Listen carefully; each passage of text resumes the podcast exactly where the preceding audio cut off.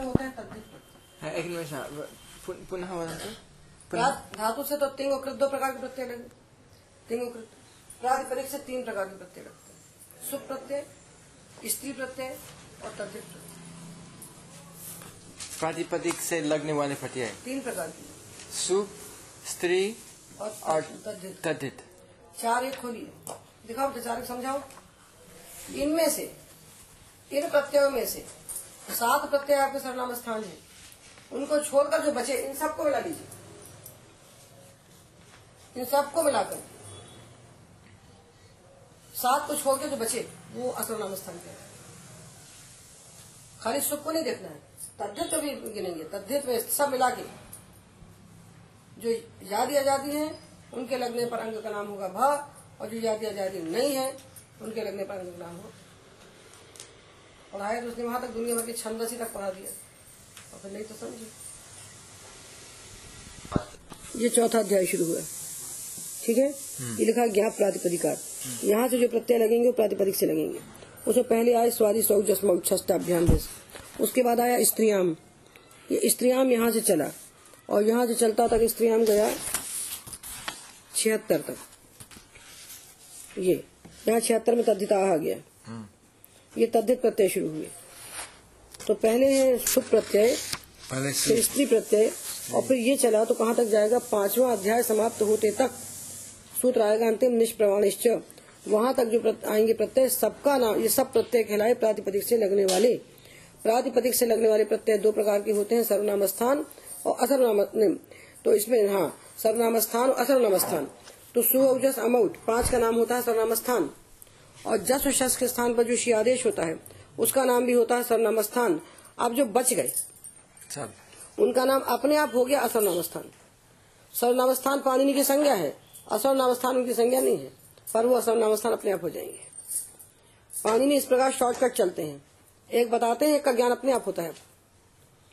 उन असर्वनाम स्थान प्रत्ययों में जो यकार आदि और आज़ादी है वो यदि लगे हैं तो पूर्व की भाषा संज्ञा हुई। और जो यादि आज़ादी नहीं है उनके लगने पर पूर्व की पद संज्ञा हुई ये पहली बात है बाकी सब अपवाद है। यचिभम स्वादिष्ट सर्वनाम स्थानीय। हाँ बोलिए आप बोलिए देवी। आज़ादी। ये ऐसा उत्तर ही नहीं होता है। ये सब उत्तर अव्याप्ति अतिव्याप्ति दोष युक्त तो उत्तर है। ये उत्तर ही नहीं है। बोलो सर। प्रत्यय सु है। इनका पहला प्रत्यय हाँ। सु है।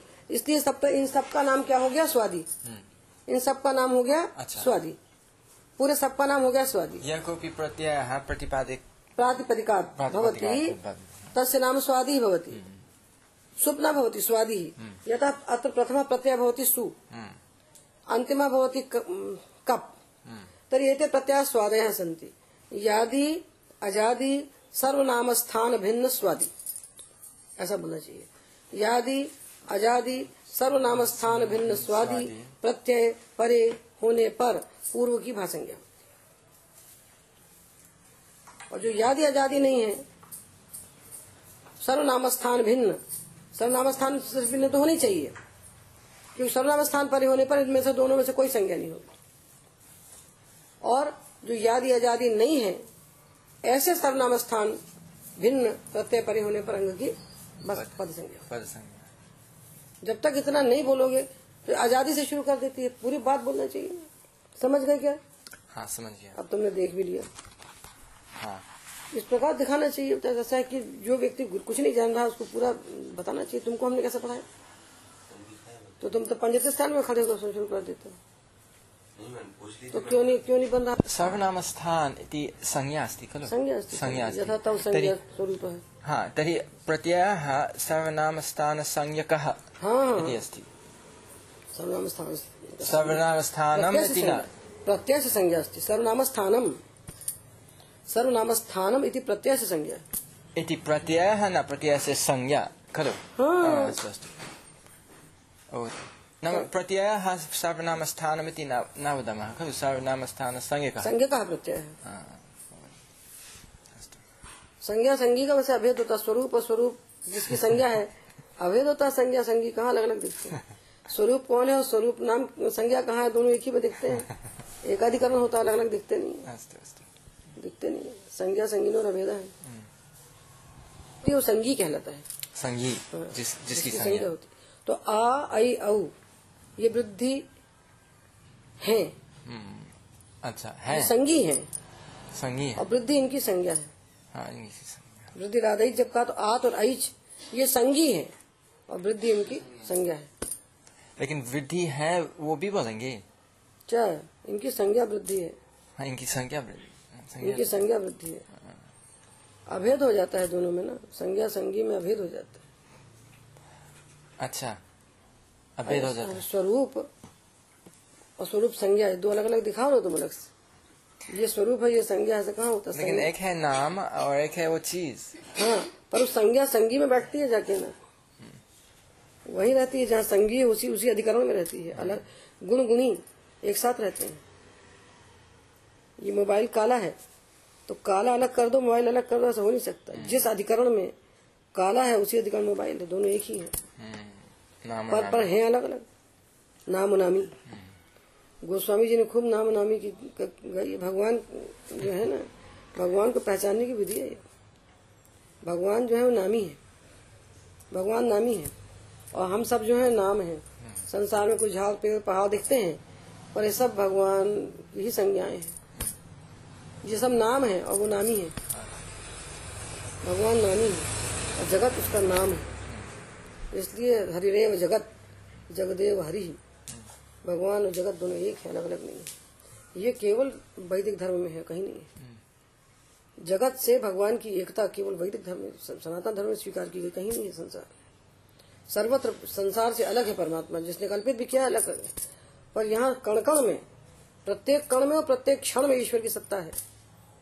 उससे अलग आप पहचान, उसको केवल युक्ति से पहचान सकते हैं। युक्ति दिमाग में है तो पहचान लोगे। युक्ति नहीं तो नहीं पहचान सकते। बड़ा कठिन है इसको जा बचपन में हम लोग खेलते थे तो समझते नहीं थे। तो दौड़ते थे बच्चे लोग कहते थे हमको पकड़ो। तो भाई आया उसने पकड़ लिया। तो हमने कहा था हमको कहाँ पकड़ा? तुमने हमारा हाथ पकड़ा। फिर कपड़ा पकड़ा तुमने हमारा कपड़ा पकड़ा तो हमको पकड़ के बताओ तुम। तो ये हम लोग बचपन में खेलते थे अब समझ में नहीं आता था उसने बात सुनने आया कि जिस चीज़ को हम षष्ठी से बोलते हैं वो चीज़ उससे अलग होती है। हम कहते हैं हमारा घर तो हम अलग है घर अलग है। तो हमारा जन्म जब हम कहते हैं तो हम अलग है जन्म अलग है। और हमारी मृत्यु जब कहते हैं तो हम अलग है मृत्यु अलग है। मतलब हमारी मृत्यु नहीं होती। जब मृत्यु होती है तो हम उसको देखते हैं। जिस चीज़ को हम देखते हैं वो हमसे हमेशा अलग होती है। हम इसको देख रहे हैं पुस्तक को तो पुस्तक दृश्य है। हम उसके दृष्टा हैं। दृष्टा हमेशा दृश्य से अलग होता है।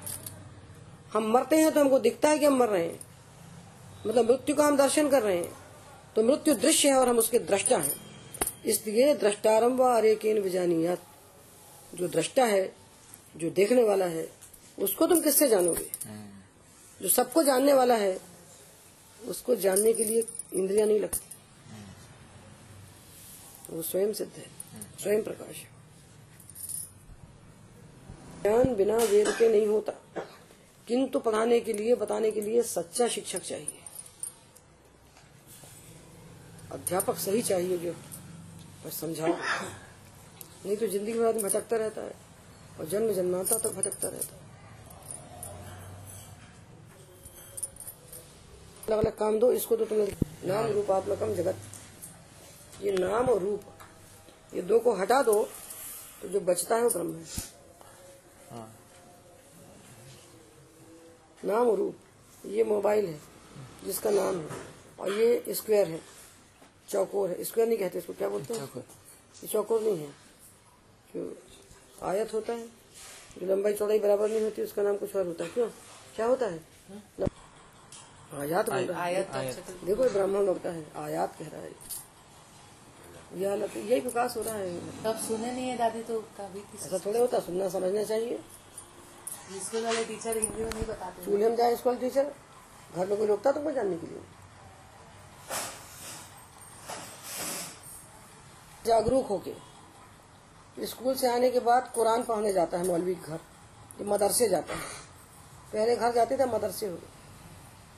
वही बच्चा तुम्हारे स्कूल में पढ़ता फ्रांसिस में और सेंट जेवियर में और महर्षि में किंतु हिंदू का बच्चा कुछ नहीं पढ़ता हाँ वही बात है सही बात है। मैं सत्य बता रही हूँ मुसलमान के बच्चे को अनिवार्य है, उसको जान ही पाता उसको तेरह साल की उम्र में कुरान पढ़ ही लेना है। तेरह साल तक उसको ये पढ़ लेना है कि दुनिया केवल मुसलमान के लिए है किसी के लिए नहीं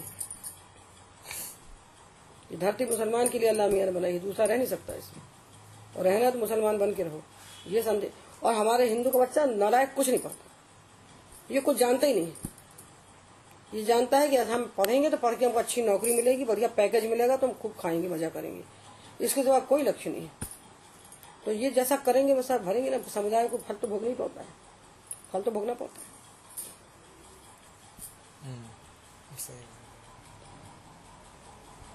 अब हम बता रहे हैं हमें क्या बताया मुसलमान का बच्चा कुरान स्कूल में पढ़ता है क्या?